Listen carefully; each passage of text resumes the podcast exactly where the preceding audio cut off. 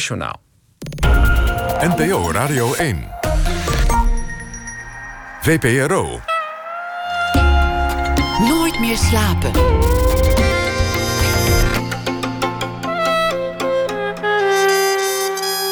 Met Pieter van der Wielen. Goedenacht, dit is Nooit meer slapen. Over scherven, stukjes, over lijmen en vernielen zal het gaan. En over een vriendelijk imago naar de cliënten toe. Te beginnen met het eerste, want het is een uh, film, Displayed Pieces. Displaced Pieces, en dat is een uh, film van Catharine van Kampen, die tegenover mij zit. En zij uh, volgt daarin kunstenaar Rayan Tabet.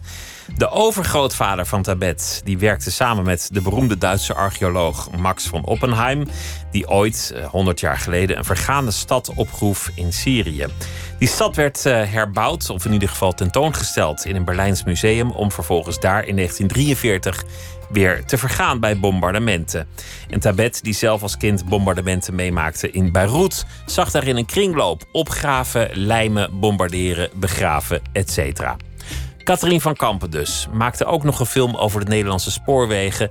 En daarin volgt ze dat bedrijf terwijl die streven naar een beter imago bij de cliëntelen.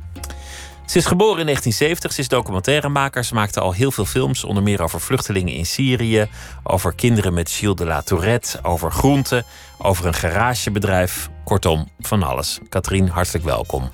Dank je, goedenavond. Ik heb uh, nou, nu denk ik wel weer al je films gezien. Die over de spoorwegen, die wordt binnenkort uitgezonden. Die zou al uitgezonden zijn, maar dat, dat wordt uitgesteld. De dood van Lisbeth List kwam er allereerst tussen. Ja, eerst de dood van Lisbeth List. Nou, eerst uh, was er lang geen plek, want uh, uitzendschema's zijn in de war door het verschuiven van allerlei talkshow-programma's. En daar leidt de lange documentaire onder. Dus er was lang geen plek. En toen was er een plek en toen overleed Lisbeth List. En toen kwam er een nieuwe plek en toen. Waren de opnames van per seconde wijzer hadden vertraging opgelopen of moesten kregen voorrang. Dus nu is het weer uitgesteld. Hij ligt op de plank. Hij ligt op de plank. Nou, de, de uitzenddatum is nu 22 juni.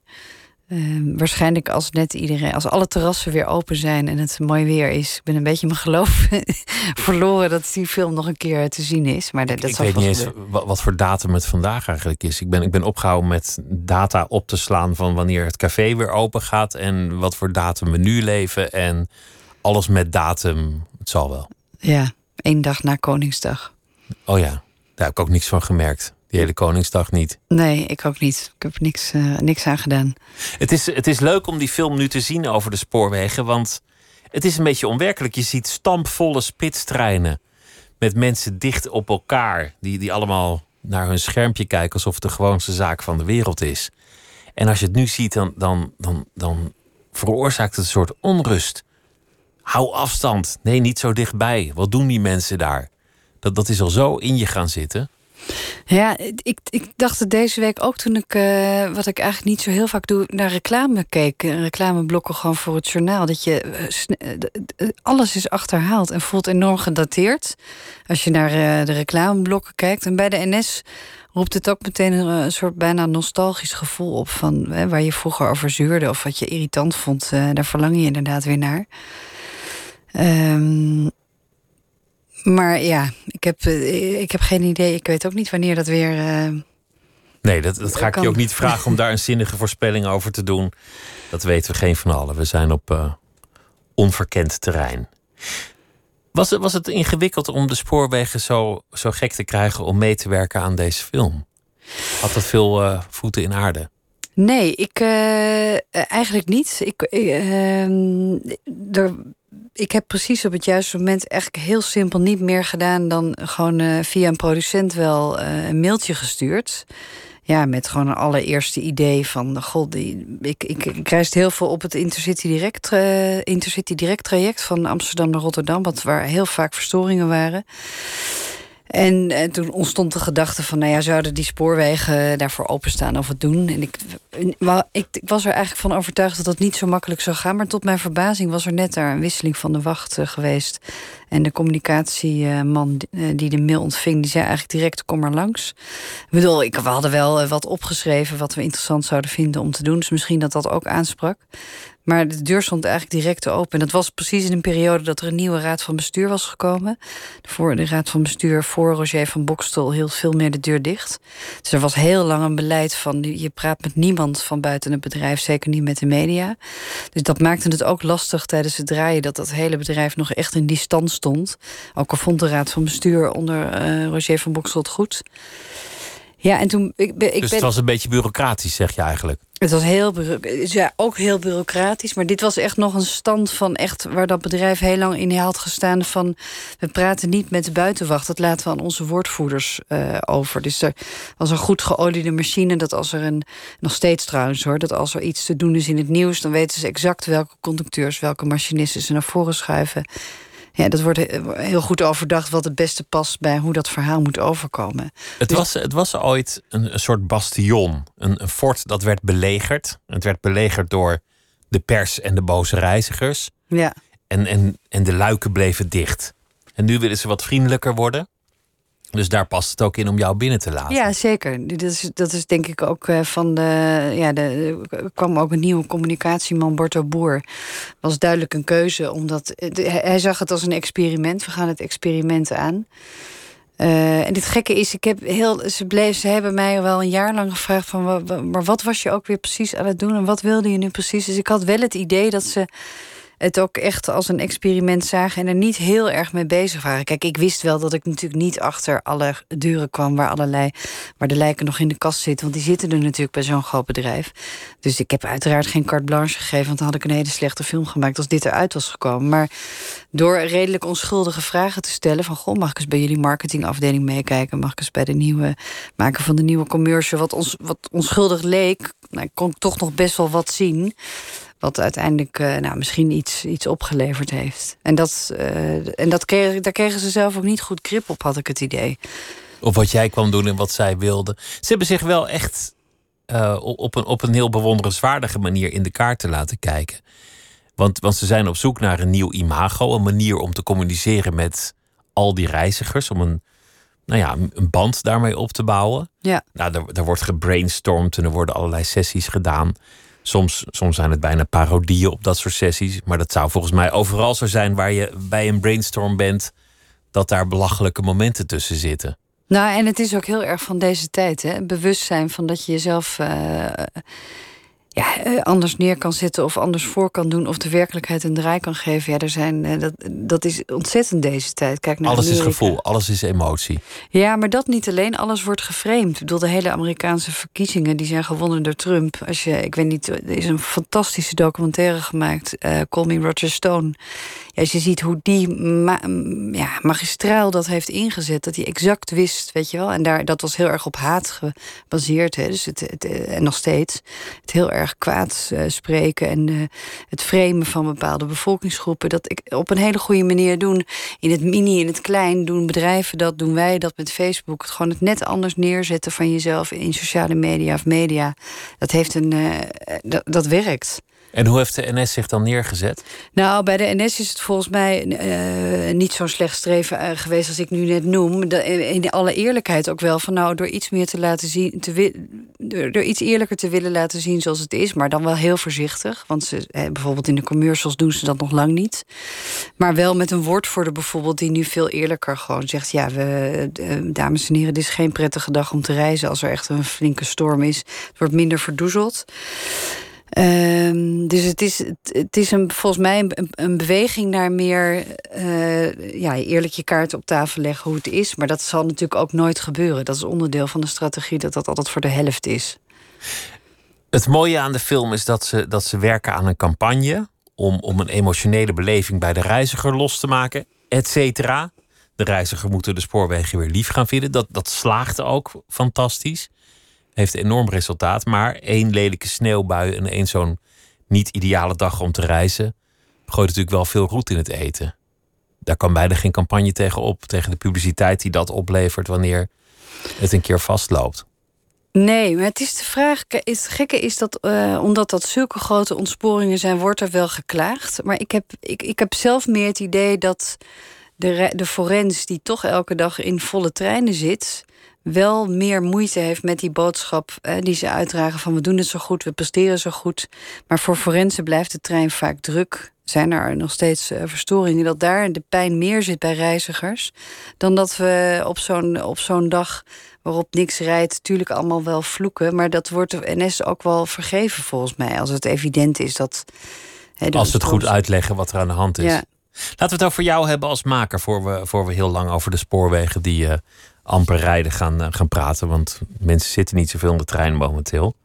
Jij, jij moet uren en uren bij die vergaderingen hebben gezeten. En dat een jaar lang. En dan, dan vele dagen aan één. En meereizen met conducteurs en machinisten. En die verhalen horen over de reizigers die op hun beurt ook niet altijd even lief zijn. Hoe kan je dan op het eind nog een film maken? Hoeveel, hoeveel kilometer materiaal moet je dan weer doorploegen? Nou, bij deze film uh, is het niet zo geweest dat ik, uh, wat ik wel altijd graag doe, alles tot in den treuren al allemaal een keer gezien had. Dus uh, er waren vergaderingen bijvoorbeeld van de conducteurs... die je ook in de film ziet. Dat heet het, het conducteursoverleg. Dan zitten ze met een hele grote groep... en dan mag op zo'n overleg twee keer per jaar... al het gal uh, gespuwd worden. Maar de tijd, het kostte zoveel meer tijd... om überhaupt al toestemming te krijgen om dat te mogen filmen... dat het vaak de eerste keer was dat we er waren... als we ik had dat niet al een keer meegemaakt. Dus dat was bij deze film wel anders. Dat ik niet alles al een keer had gezien. Wel, eh, wel natuurlijk uh, mensen gesproken en gevraagd... wat gebeurt er op zo'n overleg. Maar ik had niet het dubbele aantal uren wat ik normaal wel heb. Dat je gewoon één keer meeloopt en het daarna nog een keer gaat filmen. Dus in dat opzicht viel het mee. Uh, maar de, het zat, de moeilijkheid zat hem er vooral in om uh, ja, door een hele dikke brei op het hoofdkantoor die toestemmingen rond te krijgen. Waar de raad van bestuur dat goed vond en waar we ook begonnen zijn met filmen. Van nou kom maar en de, de deur zat open. Waren er heel veel afdelingen daaronder die zeiden: ja, maar dat, uh, daar kunnen we toch niet zomaar een cameraploeg toelaten bij zo'n overleg. En hoe zit dat dan en hoe gaat het dan? Dus en wanneer staat bij jou de wanhoop toe? Wanneer denk je, jee, waar ben ik aan begonnen? Ik zou, zou willen dat ik nooit aan deze film was begonnen. Het wordt niks. Ik haat nou, deze film. Ja, dat heb project. ik. Ik heb, die, ik heb er echt wel een, uh, een zomer toen we zo halverwege waren echt wakker van gelegen. Omdat ja, ik me helemaal niet gerealiseerd had. Het begon echt met een, met een, uh, met een mailtje van, wel met een idee. Hè. Dat was toen ik begon in 2016. Grote ontevredenheid. Wilders had de verkiezingen gewonnen. En de NS en dat gekanker op de NS leek mij een prachtig vehikel om iets te vertellen over de ontevredenheid in Nederland. Dus door te kijken naar de nationale spoorweg, iets te vertellen over Nederland. Over onvrede. Over onvrede, eh, precies. Over met name onvrede. Toen, toen ik ging filmen was het veel later. Stonden ze er beter voor. En werd er ook al wel, wel wat minder gekankerd. Maar ik heb met... Uh, het is heel naïef geweest. Ik heb me helemaal niet gerealiseerd dat ja, over zo'n groot bedrijf... er 30.000 mensen werken ik realiseerde me halverwege. Ik dacht, jezus, ik ga dit voor niemand goed doen. Echt voor niemand. Niet voor de medewerkers, niet voor de raad van bestuur, niet voor de omroep. Dat lukt gewoon niet. Het lukt, het, hoe, alles wat hier uitkomt... Ik kreeg daar echt slapeloze nachten van. Ik dacht, dit gaat me gewoon. Die, krachten, die, die krachtenvelden uh, voelden opeens heel groot. En ik dacht, wat ben ik aan het doen in mijn eentje hier? Ja, met een... Twijfel je dan ook aan jezelf? Denk je, ik kan het niet? Ik had het vak niet moeten kiezen? Nou, in dit geval uh, dacht ik wel, ja, ik had het vak niet moeten kiezen, niet. Omdat ik dus ja, zo ontzettend veel plezier wel uh, beleef, al had beleefd aan andere films. Maar wel, jeetje, wat, waar, waarom, waarom heb ik me dat niet gerealiseerd? Dat het, dat het, dat het zo groot is en dat dat, en dat, dat op je drukt gewoon de hoeveelheid mensen alleen al die daar werken. En daar zie ik eerlijk gezegd nog ook nog wel best tegen op. Dat als het wordt uitgezonden, ja, dan gaan mensen zich natuurlijk binnen de nest. Dat gebeurde nu al een beetje, heeft even online gestaan. Zich ook wel roeren. De machinisten begonnen al te schrijven. Waarom zien we geen machinisten in de film? Je ziet één shot van 10 seconden van een machinist en dat is het. Ja, dat is moeilijk te verkroppen, misschien voor sommige machinisten. Maar dat heb ik me ook ja, nooit gerealiseerd dat, dat er van alle kanten waarschijnlijk kritiek komt of, of uh, compliment wordt. Dat kan ook, dat zou fijn zijn. Het lijkt mij dat het een mooi beeld geeft van een organisatie die midden in de samenleving staat. En die moet meegroeien met een samenleving Ja. die verandert. En de onvrede in de samenleving, die komt daar meteen op, op hun bord. Ja, En, en als de samenleving ruwer wordt, dan merken zij dat als eerste. ja dat Ik is- denk dat dat een heel interessant beeld geeft. Ik geloof, ik geloof niet dat ze ontevreden hoeven te zijn. met de film bedoel je? Ja. Nee, dat, ik, nu inmiddels hebben natuurlijk veel mensen het gezien. Hè? Er, er waren de dood- en enge screenings. eh, Eerst met de voorverkenners van de Raad van Bestuur. En toen de Raad van Bestuur. En toen het, alle mensen die mee hebben gedaan. Ja, dan hadden ze leuk bedacht. Dan noemen we een panel. En dan sta jij dan voor de zaal. Nou, ik dacht echt, eh, wa- wat krijg ik allemaal over me heen? Maar het gekke was wel dat eigenlijk de mensen die er allemaal in te zien waren en het personeel tot nu toe zeiden: ja, het klopt wel ongeveer. Je ziet er dingen in waar, waar we buikpijn van krijgen, maar je ziet er ook dingen waar we heel trots op zijn. Dus ja, dat, dat, dat valt eigenlijk tot nu toe alleszins mee hoor. Maar dat weet je gewoon niet tijdens het eh, proces van maken. Dat was wel mijn. Ja. Die twijfel, dat je denkt, nou, dit project, waarom ben ik hier aan begonnen? Ik, ik vroeg, twijfel je dan ook aan jezelf als, als filmmaker? Je zei nee, want eerdere projecten heb ik plezier beleefd en die, die zijn wel gelukt. Maar je hebt nooit echt de, de filmacademie gedaan of, of de traditionele weg afgelegd. Nee. Is, nou, is dat iets dat een rol eh, speelt? Of ik, aan, of ik aan het hele vak twijfelde. Nee, ik ben. ik- Kijk, de, de, eh, elke film begint met het, de onzekerheid: gaat me dit lukken? Je, je bedenkt een plan. En, je- je- en ik, ik vind dat een van de leukste gedeeltes. Dat kan ik ook goed. Hè? Ik schrijf echt mijn gedroomde film op. Altijd wel binnen de marges van het moet ook kunnen. En op het moment dat de uitslag dan komt, dat je financiering krijgt, dan slaat, dan slaat wel de onzekerheid toe. Misschien ook deels omdat ik inderdaad geen filmacademie heb gedaan. Kan ik dit wel? Maar dat is echt nog voordat ik. eh, Voor je gaat draaien. Voordat ik ga draaien, ja. En wat is dat voor gevoel? Nou, dat was vroeger heel erg. Zeker bij de eerste subsidie. Dat, dat- ja. eh, ja, onzekerheid. eh, het is iets heel geks, want op het moment dat ik het schrijf, dan zie ik het allemaal voor me. En dan heb ik ook echt vertrouwen in dat het gaat lukken. En dan opeens moet je het ook echt gaan doen. Ja, en lukt dat dan? En, en, en gaan die mensen dan wel meewerken? Lukken die scènes dan wel? En Je hebt iets beloofd, je hebt, je hebt geld losgemaakt Ja, en, en andere verplichtingen. En dan ineens denk je, ja, maar hier sta ik en nu moet ik die berg nog beklimmen. Ja, en ook nog wel dat, het, eh, dat je toch met publiek geld werkt. Het is subsidiegeld of, eh, oh, eh, Of van een fonds of een of van stichting. een fonds of een stichting. Precies, dat maakt ook dat de druk groter wordt. Het lijkt mij wat dat betreft ook heerlijk om een keer iets totaal vrij te maken zonder van die financieringstromen, zodat je die, die druk in elk geval niet voelt. En hoe kom je dan over die druk heen? Door gewoon te beginnen. Ja, door gewoon. Ja, mijn redding is wel geweest dat ik ooit met een producent ben gaan samenwerken die. eh, eh, eh, die me het vak heeft geleerd, die me echt heeft opgeleid. En tegen wie ik in het begin wel een miljoen keer heb gezegd: Nou, misschien kunnen we er maar beter mee stoppen, want het wordt niks.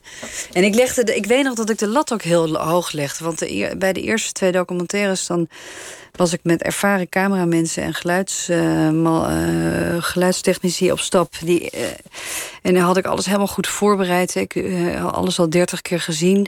En dan draaiden we scènes en dan zei ik, ja, ik weet het niet. En dan, en dan waren zij al zo overtuigd. Ja, maar het is er.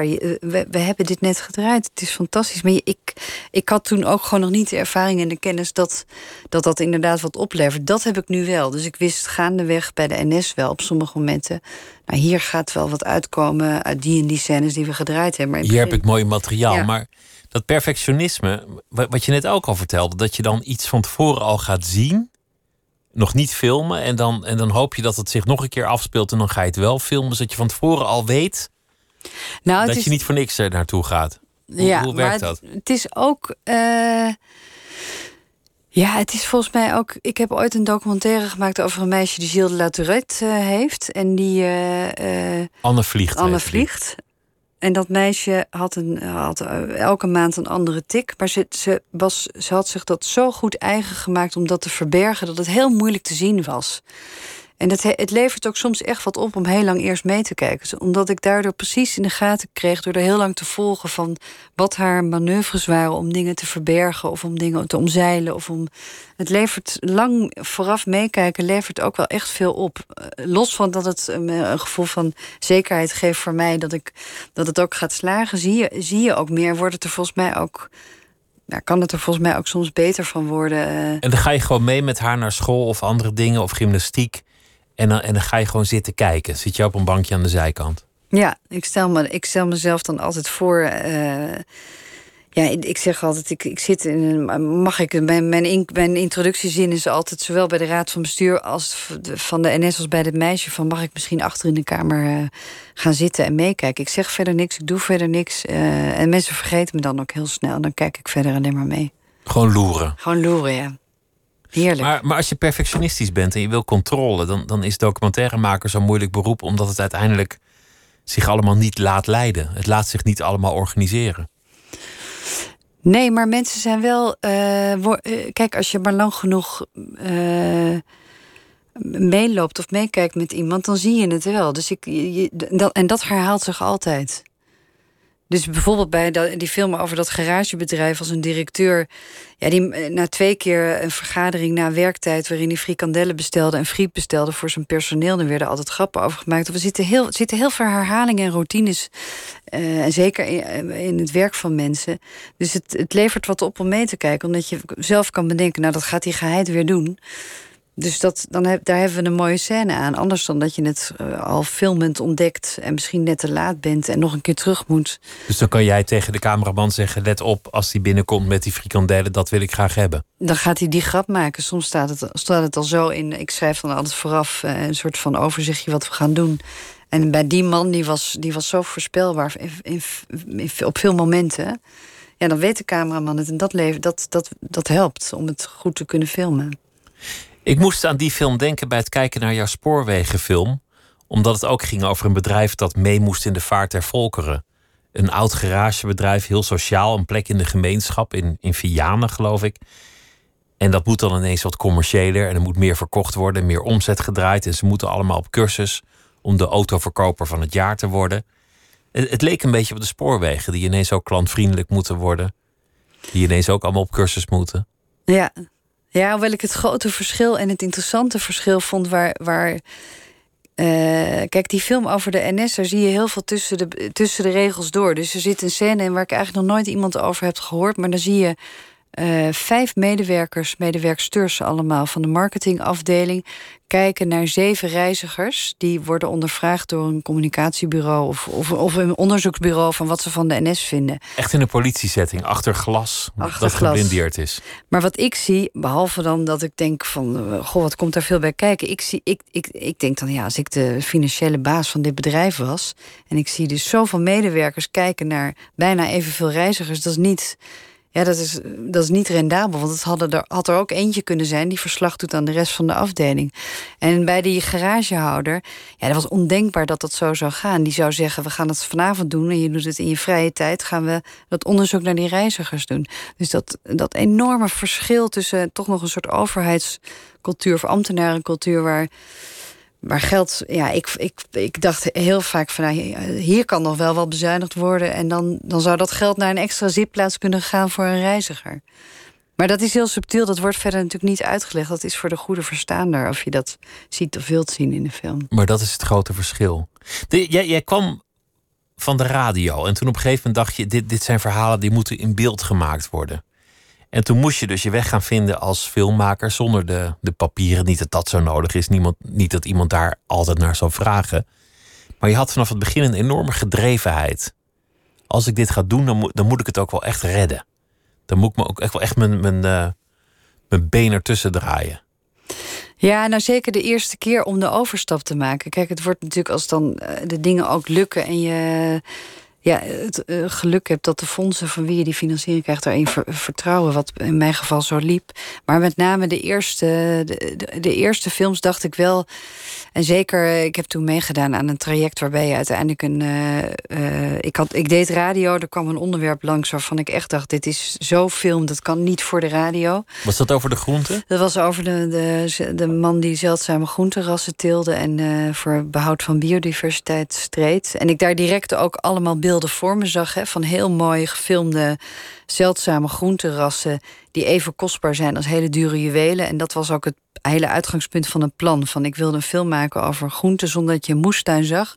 Maar die groenten helemaal mooi uitgelicht als. als uh, nou ja, Cartier, uh, juwelen of wat dan ook in de studio. Maar en, en daar was ik wel heel in gedreven in. Want ik dacht, nu komt er een kans voorbij waarbij ik mee kan doen aan een traject. En waar was met tien filmmakers. Eentje kreeg een prijs om het ook te mogen maken. En toen dacht ik wel, ja, als dit lukt, dan ben ik, dan heb ik, dan ben ik binnen. Hè, daarna moet je het dan nog een keer wel waarmaken. En dat haalde wel bij mij, uh, ja, uh, ja, ik, eh, een soort op een even bezeten manier als die film waar die man over ging met die groenten, ben ik toen bezig geweest met dat filmplan van dit moet gewoon lukken. Ik moet een prijs winnen, ik moet dit vak voor mij winnen. Ja, dat vak dus zo groot durfde ik helemaal nog niet te denken. Want je, ik dacht, nou, stel je voor dat, dat ik dat kan doen daarna dacht ik, zou het nog eens lukken. Dus dat, het, het is niet dat je in één klap het vak voor je wint. Want dat is het lastige als je autodidact, want dan ben ik tenslotte uh, bent. Dan, dan, ja, dan denk je nog helemaal niet zo groot in van dat, dat vak is dan van mij daarna. Want dat vak leer je pas in de loop van tien films waar ik nu ben. Ja, durf ik te zeggen dat ik ervaring heb en dingen kan. Maar dat, dat komt geleidelijk. Die gedrevenheid was er wel altijd. Die had je als kind al, heb ik begrepen. Dat je, dat je als kind al een enorme discipline had en, en eigenlijk een, een soort zelftuchtiging. Herken je daar iets in? Uh, nou, wel uh, in alles goed willen doen, dat zeker, ja. Wat voor dingen kon je goed doen als kind? Ja, ik zit nu te denken waar dat. Het gekke is dat mijn ouders het allebei niet heel direct hadden in. in ja, mijn ouders waren wel allebei heel perfectionistisch in hun handelingen. Dus in de, in de, in de, kleine, in de, in de kleine handelingen die ze deden. En ik denk dat ik dat heb opgepikt. Van je moet of iets uh, goed doen en niet half doen. Ik was verder niet goed op school, maar ik was wel heel fanatiek met sporten. Um, ja, of was er een, een, een. Ja, eigenlijk wat mij werd gevraagd, wel proberen zo goed mogelijk te doen maar de kleine handelingen, dus als je, de, als je de afwas doet, dat je een kopje ook echt schoonmaakt. Dat, dat er niet nog een klein, klein spikkeltje op zit. Bedoel je dat? Ja, het is. Uh, ja, of hoe ons. we hadden een tuin en de manier waarop die tuin uh, in stand gehouden werd, dat was. Dat, dat, dat ging. Dat, daar, dat zat een enorme perfectie in van mijn vaders kant dan. En bij mijn moeder, als die de een tafel dekte, dat, dat was een soort uh, militaire precisie. Dus het zat in heel veel kleine handelingen voor mijn gevoel, waar, waar de, waaruit sprak van als je, als je het doet, zonder dat het mij ooit letterlijk zo gezegd is. Want ik werd heel fanatiek in sport en dat vond mijn moeder vooral echt totale onzin dat ik daar zoveel tijd aan besteedde of daarmee bezig was. Of, uh, dat, dat, dat, dat was niet een, direct, een directe vraag of uh, uh, ja, opvoedingsmethode, of hoe je het ook wil noemen, vanuit mijn ouders. Maar wel iets wat ik als kind in de handelingen oppikte, denk ik. Als je iets doet, als het de moeite van het doen is, doe het dan maar meteen heel erg goed. Ja. Heb je een gelukkige jeugd gehad? Um, ja, tot, tot een zekere leeftijd. En daarna. Uh, ik, ik botste met mijn moeder. Dat was een, een, moeilijke relatie tussen. We hadden veel ruzies. Daarna werd het moeilijker. En je ouders zijn niet bij elkaar gebleven? Nou, die zijn uh, uiteindelijk toen ik het huis uitging uh, uit elkaar gegaan. En die zijn bij elkaar gebleven, uh, ja, ik denk om de, om de rust te bewaren, om mijn school af te laten maken. Maar jij moet dan al die spanning een beetje gevoeld hebben. Ja, toen, zeker. Toen je daar nog was. Ja. En je vader leeft niet meer? Nee. Dat is allemaal daarna gebeurd? Ja, die is. Uh, uh, die, die heeft een. Het is niet helemaal duidelijk, waarschijnlijk een hartstilstand gekregen toen hij 70 was. En uh, toen ik net met Anne Vliegt was ik toen bezig, mijn tweede film, derde film. Um, en daar had ik een hele sterke band mee. Dus die, en die heeft. ik, heb, ik heb een broer en die is overleden toen hij 26 was. Toen was ik 21. En ja, niet lang daarna heeft mijn vader zich teruggetrokken in een klooster en is daar als een soort van permanent inwonend gast of als monnik eigenlijk gaan leven. Een heel groot deel van zijn leven daarna. En ik heb hem daar heel veel opgezocht en we hebben, we hebben altijd een hele goede band gehad. Dus dat was, was echt iemand waar ik ook bevriend mee was. Dus de, zijn dood was wel, kwam heel onverwachts en was wel ja, niet zo levensbepalend als het overlijden van mijn broer. Want dat was echt een schok omdat ik jonger was, maar wel ja, ook ingrijpend. Maar dan, dan is je vader, als hij het klooster inging, een beetje uit de samenleving gestapt. Ja. En, en je broer, die, die kon niet in de samenleving passen, dat, dat lukte hem niet. En jij eigenlijk wel, toch? De samenleving is niet een vijandig iets voor jou. Nee, het is niet. De, nee, nee, de samenleving is zeker niet een. Uh, nee. Maar ik, het is wel een. Uh, steeds minder hoor. Maar zo met name wat ik net schetste van dat heel graag het goed willen doen of zo. Ons, uh, de overgang naar de films maken. De onzekerheid en angst die, die daarmee gepaard gaat, was. Ja, dat kost energie. Dat is wat ik. Dat, het, het kostte, het kostte meer energie. Dat wordt nu steeds minder. Dingen worden makkelijker. Ik maak me iets minder druk. Uh, bij de NS dan niet, daar lag ik nog wakker van. Maar uh, ja, dat maakt het soms uh, vermoeiender, denk ik. Wel veel leed voor, voor een jong persoon, wat je hebt meegemaakt in, in het gezin. Veel verdriet. Um, ja. Ik denk dat er veel verdriet was. In jouw films ben je enorm als, als filmmaker, ik weet niet of je dat zelf zo ervaart, empathisch. In de zin dat je, dat je eigenlijk als kijker bijna de wereld leert zien door het hoofd van iemand anders. Je maakt je als filmmaker de blik eigen van degene die je portretteert. Met name met de films die je over kinderen maakt. Is, is dat bij al die films, althans wat ik heb gezien, heel goed gelukt. Of het nou gaat over vluchtelingen die de wereld een beetje betoveren om hem, om hem leuk en leefbaar te houden in zo'n kamp. Als over een kind met, met Gilles de la Tourette.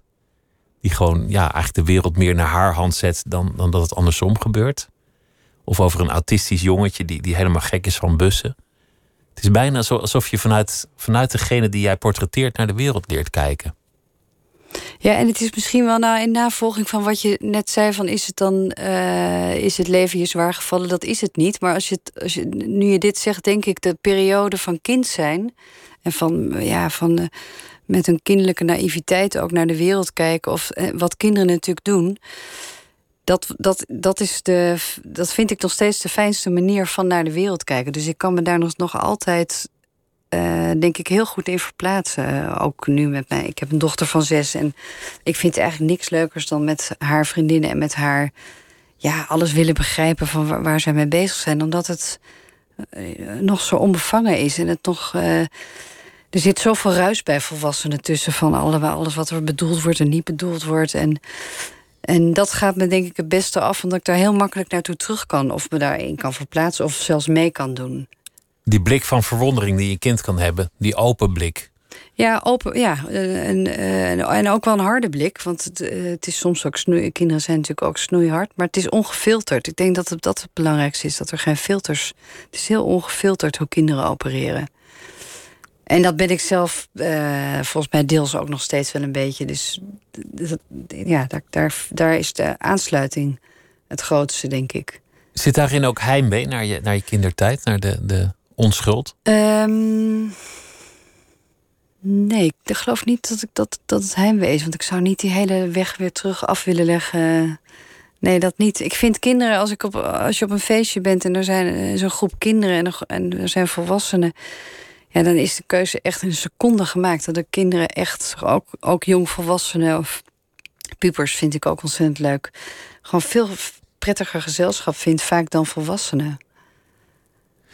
Je hebt muziek meegenomen van uh, Nina Simone. En dat heb je meegenomen omdat je de film die over haar gemaakt is een, een tijdje terug, What Happened Miss Simone, uh, heel erg mooi vond. Dat, dat was ook een, een prachtige film. En het, uh, het, lied dat we gaan draaien van haar heet Mr. Bojangles. I knew a man, Bojangles, and he danced for you.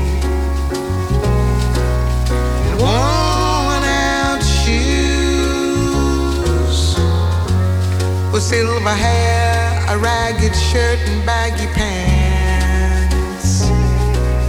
The old soft shoes. jumped so high,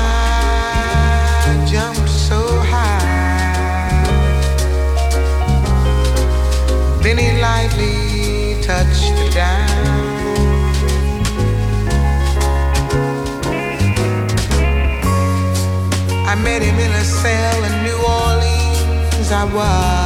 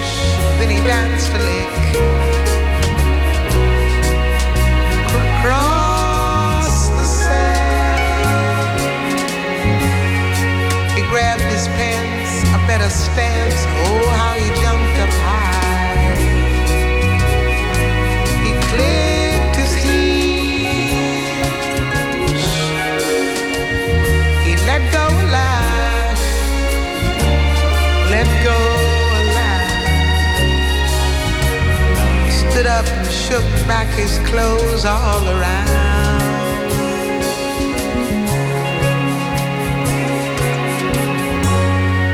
He danced for those at minstrel shows and county fairs.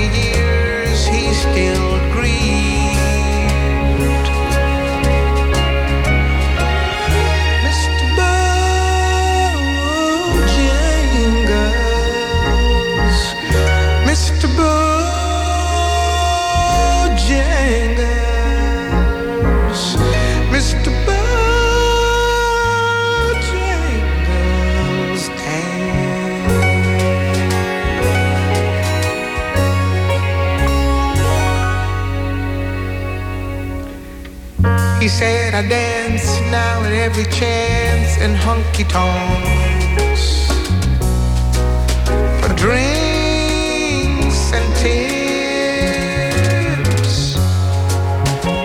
But most of the time I spend behind these county bars. He said, I drink a bit. He shook his head, shook his head, I heard someone respectfully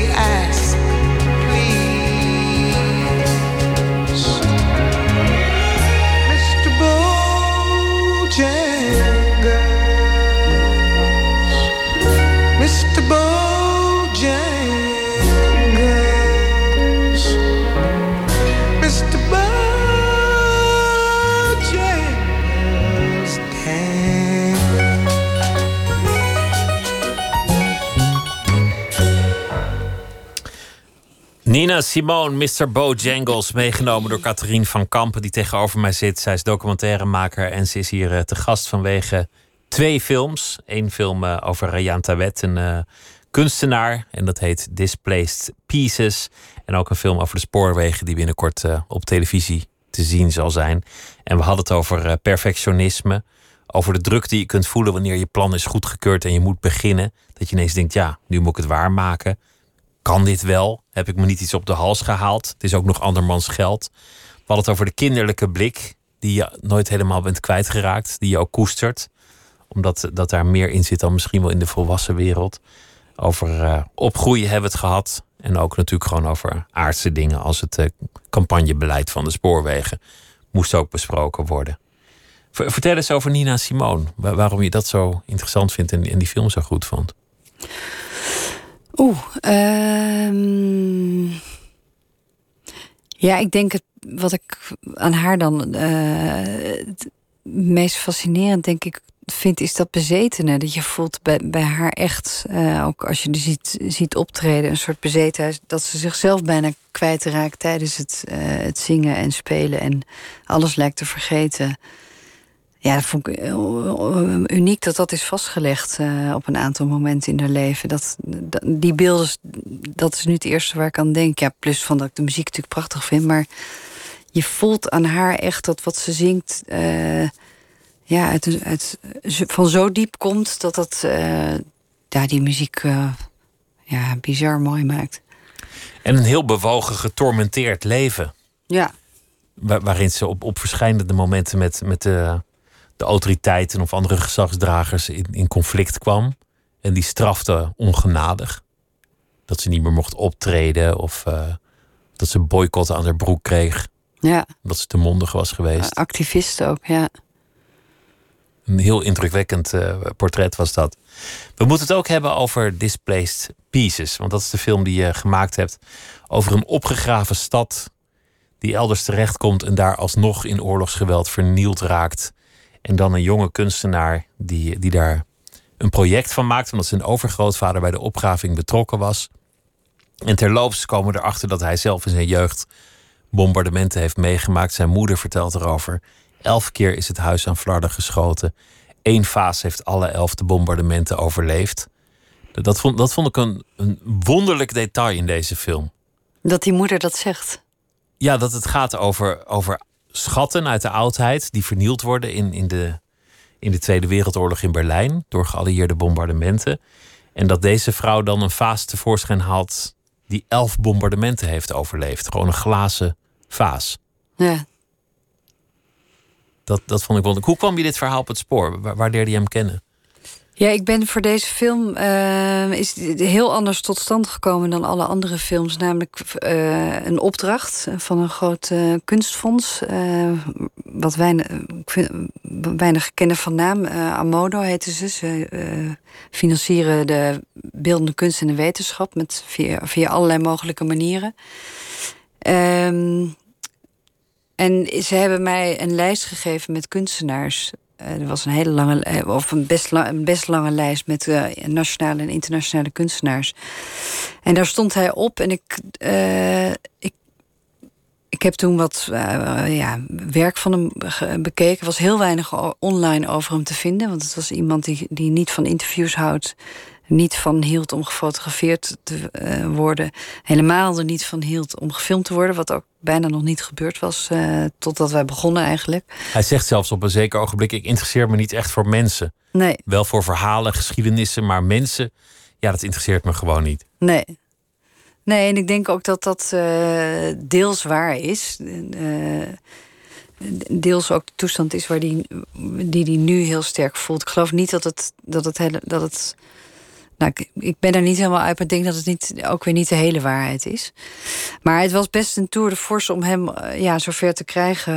en dan komt de vraag van ja, ik ben gevraagd uh, door een fonds dat hielp, omdat dat fonds financierde weer een tentoonstelling die hier in Nederland uh, gehouden werd. Dus hij was wel nieuwsgierig en ook een fonds met heel veel connecties, van stedelijk tot MoMA aan toe.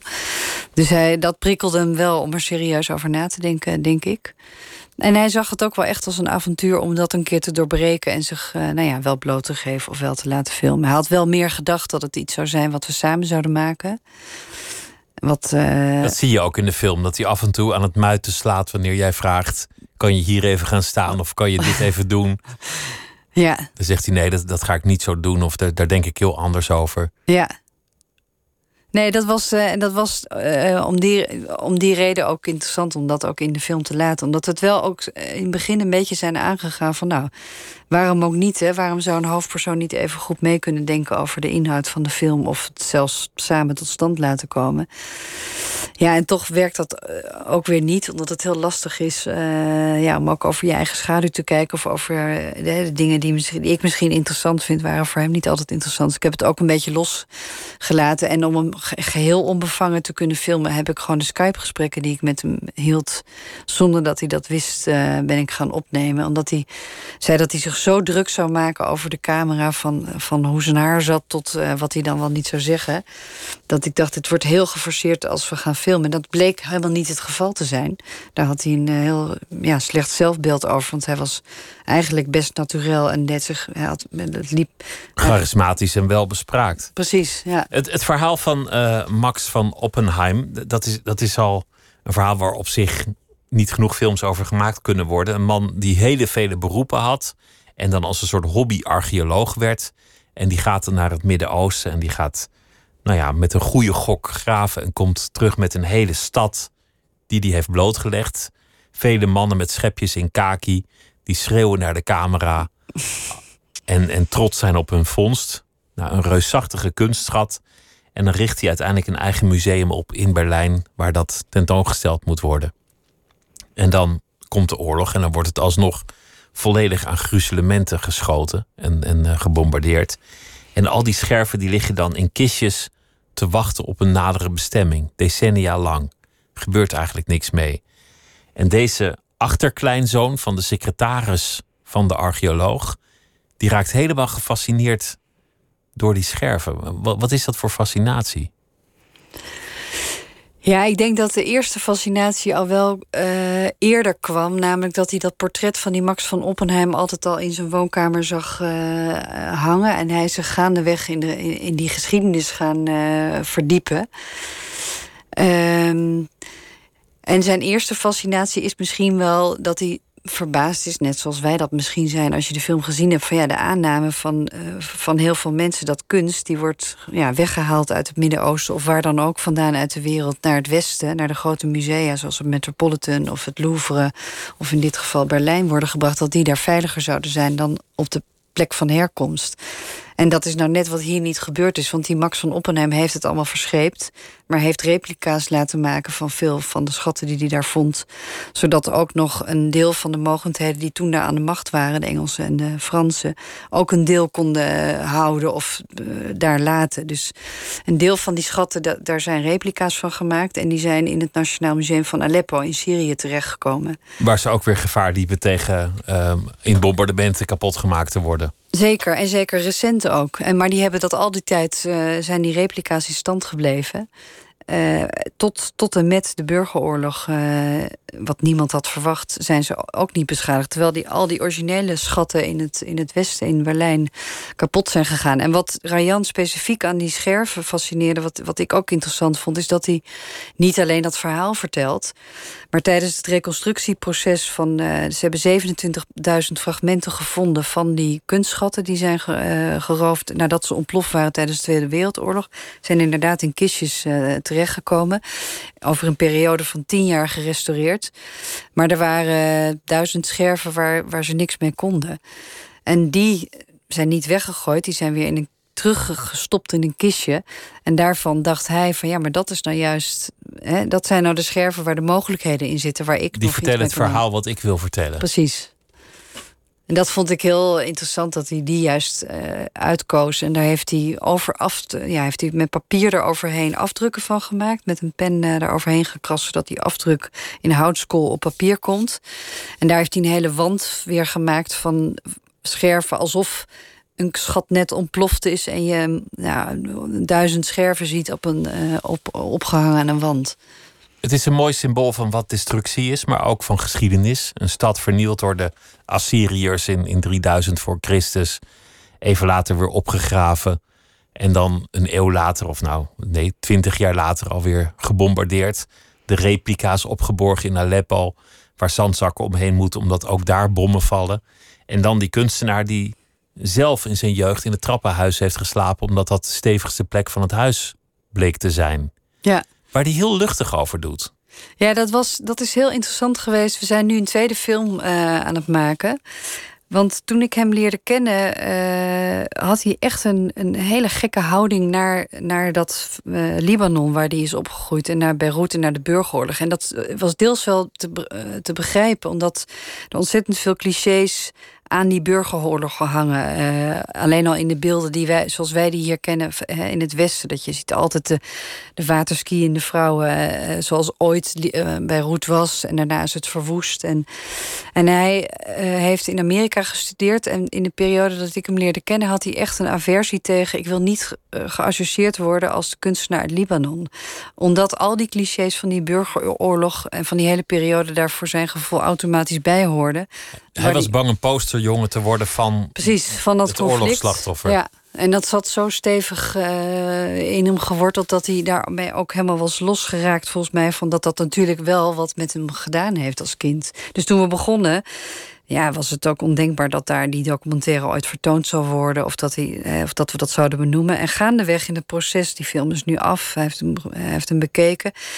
En is een. Uh, en het keerpunt is voor hem geweest dat afgelopen november in Libanon er een, een, enorme crisis is ontstaan. En die nieuw is voor Libanon. Namelijk dat alle uh, partijen en stromingen die altijd tegenover elkaar hebben gestaan, zijn nu eensgezind opgestaan om te demonstreren tegen de elite, tegen de macht, tegen de, de, de, de verkwanseling van geld. En dat was een, een, moment waarop hij eigenlijk is wakker geschud. Het gekke is dat die opstand zich deels ook keerde tegen de de, de intellectuele elite en kunstenaars zoals hij, waar, waar, waar ook tegen, uh, flink protest tegen is dat die een hoop uh, ja, middelen krijgen of ruimte krijgen. Maar het is wel het moment geweest waarop hij wakker werd en zich opnieuw eigenlijk ging verhouden tot Libanon en, veel, en nu veel meer en er nu heel anders in staat. En wat voor film gaan jullie dan maken?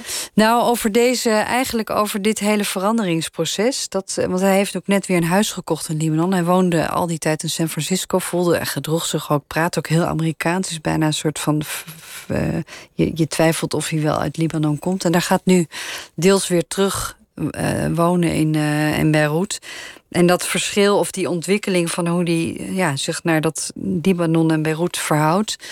Daar zijn we over aan het praten om daar nog een korte documentaire over te maken. Over die clichés van een oorlog, wat je noemde. Je hebt die film gemaakt over kinderen die zijn gevlucht voor de oorlog in Syrië. En daar ontsnap je op, op een wonderlijke wijze volledig aan die clichés. door de blik van het kind over te nemen. Een groot deel van die film gaat over het meisje dat een haan heeft. En die haan is haar beste vriend. Die kan ze alles vertellen. En die haan wordt geslacht. En even later heeft ze een nieuwe haan. En dan volgen we dat proces weer. Door, door dat soort kleine uh, verhalen uit te kiezen. blijf je eigenlijk weg bij, bij dat grote verhaal van, van de oorlog en de bombardementen en de trauma's. En dat maakt het veel inzichtelijker. Gek genoeg. Ja, dat dit, je bedoelt dat dit een, een verhaal is waar eigenlijk, omdat het zo groot is en over, en over, zoveel, hè, over zoveel periodes gaat, dat daar eerder de clichés aan kleven, bedoel je? Nee, ik bedoel dat ik nou toch zeker honderd reportages heb gezien over vluchtelingenkampen, die allemaal ongeveer hetzelfde waren. Ja. En, en jouw documentaire was anders, juist omdat je het perspectief van de mensen zelf ja, hebt gekozen. Ja. En dan vooral van die kinderen die in een betoverde wereld leven? Nou ja, ik vond dat. Uh, uh, dat uh, kijk, het verrassende aan Rayan vond ik eigenlijk dat hij nog steeds met die blik van een kind. Hè, hij heeft een kunstwerk gemaakt over het feit dat zijn kamer, die, waar hij als jongetje in sliep, op een dag weg was. was een bom opgevallen. En ik keek gewoon recht naar beneden naar de straat. En daarvan, uh, ik denk ook toen, afgezien van de schok en van het verdriet en de angst, maar ook toen echt dacht van, ik ben af van de kamer die mijn moeder voor mij had ingericht zoals zij het wilde. Een hele dominante moeder, die dat vast helemaal mooi Frans had vormgegeven. Dat is een vrouw die ook heel veel Franse woorden door haar, uh, door haar alles wat ze vertelde uh, heen vlocht. Maar die, die een heel duidelijk eh, beeld over esthetiek had. Dus ik stel me helemaal de kamer voor van een, van een moeder die dat in heeft gericht voor zijn zoon. En de opluchting voor hem dat dat weg was. Los van alle ontzettende ellende en trauma's die het ook heeft opgeleverd. En het feit dat hij daar eerlijk, dat eerlijk vertelt in de documentaire: van nou, dit was, dit was voor mij een kans om het anders te doen. Dit bood mogelijkheden. Ja, maakt wel dat dat misschien weer een manier is dat je ook anders kijkt naar zo'n burgeroorlog. Ik had dat in elk geval nooit uh, uh, gehoord van iemand uit die burgeroorlog in Libanon, dat je daar ook zo naar kan kijken. Of deels zo naar kan kijken. Dat gold ook voor de kinderen in het kamp. Eén jongetje die handelde in snoep. Uh, de anderen werden op een soort cursus gezet waar ze normaal nooit terecht zouden komen, waar ze Shakespeare mochten spelen en andere stukken. En die zagen eigenlijk ook meer mogelijkheden dan nadelen. Ja, maar het is natuurlijk ook wat ik uh, laat zien. Want het, uh, ik denk dat, de, dat waarom je het zo ervaart, is dat je ja, een selectie maakt van waar je dat gevoel wat dat genereert heel erg uitvergroot. Het is volgens mij waarom kinderen in, in zo'n kamp vast hebben en het. Uh, um, en die wereld ook echt anders uh, ervaren. Maar als je alle ruis eromheen laat zien, dat ze ook naar school gaan en ook ruzie met hun moeder hebben, of uh, dat het heel vaak ontzettend lawaaierig en chaotisch in de gezin is. Maar ik isoleer het heel erg, waardoor de ervaring van die kinderen op alle dingen die je net noemde, de cursus of de haan, wordt uitvergroot. En dat blijf je dan vervolgens bij. Ik geloof ook dat dat het, dat dat het is wat ze uit, eh, uit het dagelijkse trekt en het, en het eh, behapbaar maken. Maar de rest is er natuurlijk wel. Ik laat het alleen niet zien. Jij koos ervoor om het niet te laten zien. Ja. Misschien ook omdat het al zo vaak getoond is. Ja, het was die die documentaire was echt uh, mijn grootste zorg daarbij, waar ik toen wakker van lag, was hoe maak ik een film over een plek die zo vergeven is van clichés. Elk beeld uh, hadden we al gezien. Elk beeld van een straat, uh, tenten, stof. dat, dat was heel lastig om daaraan te ontkomen. De geluiden zelfs. Het lijkt me sowieso lastig werken daar. In zo'n gezin filmen ik, ik vond het verbazingwekkend dat ze dat, dat ze dat toestonden. En waar, in welk, uh, welk opzicht dan? Toestand? Nou ja, de, de ruzietjes tussen de moeder en de dochter. Jij staat er de hele tijd bovenop ja. met je camera. Ja, maar ook hier gold dat ik wij daar ook veel langs zijn geweest zonder te filmen. En dit soort ruzies over make-up. Want daar ging de ruzie over. Een meisje van 12 wil lippenstift op en de moeder en wordt daar boos over. Ja, die had ik al drie keer gezien.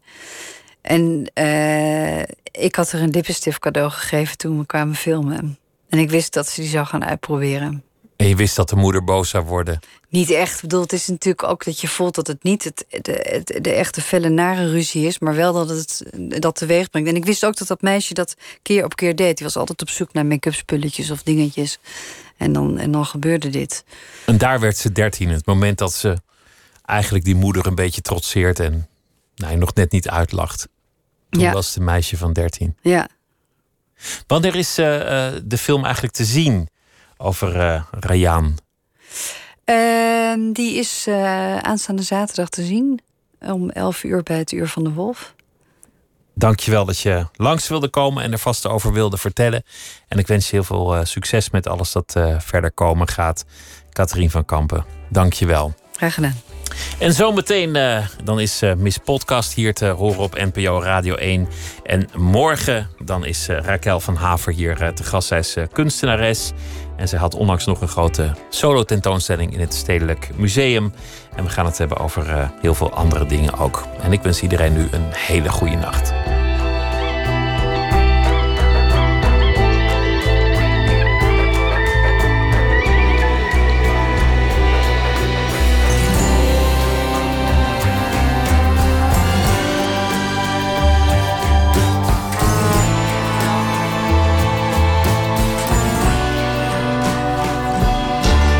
Radio 1.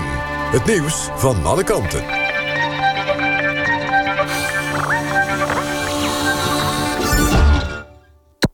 NPO Radio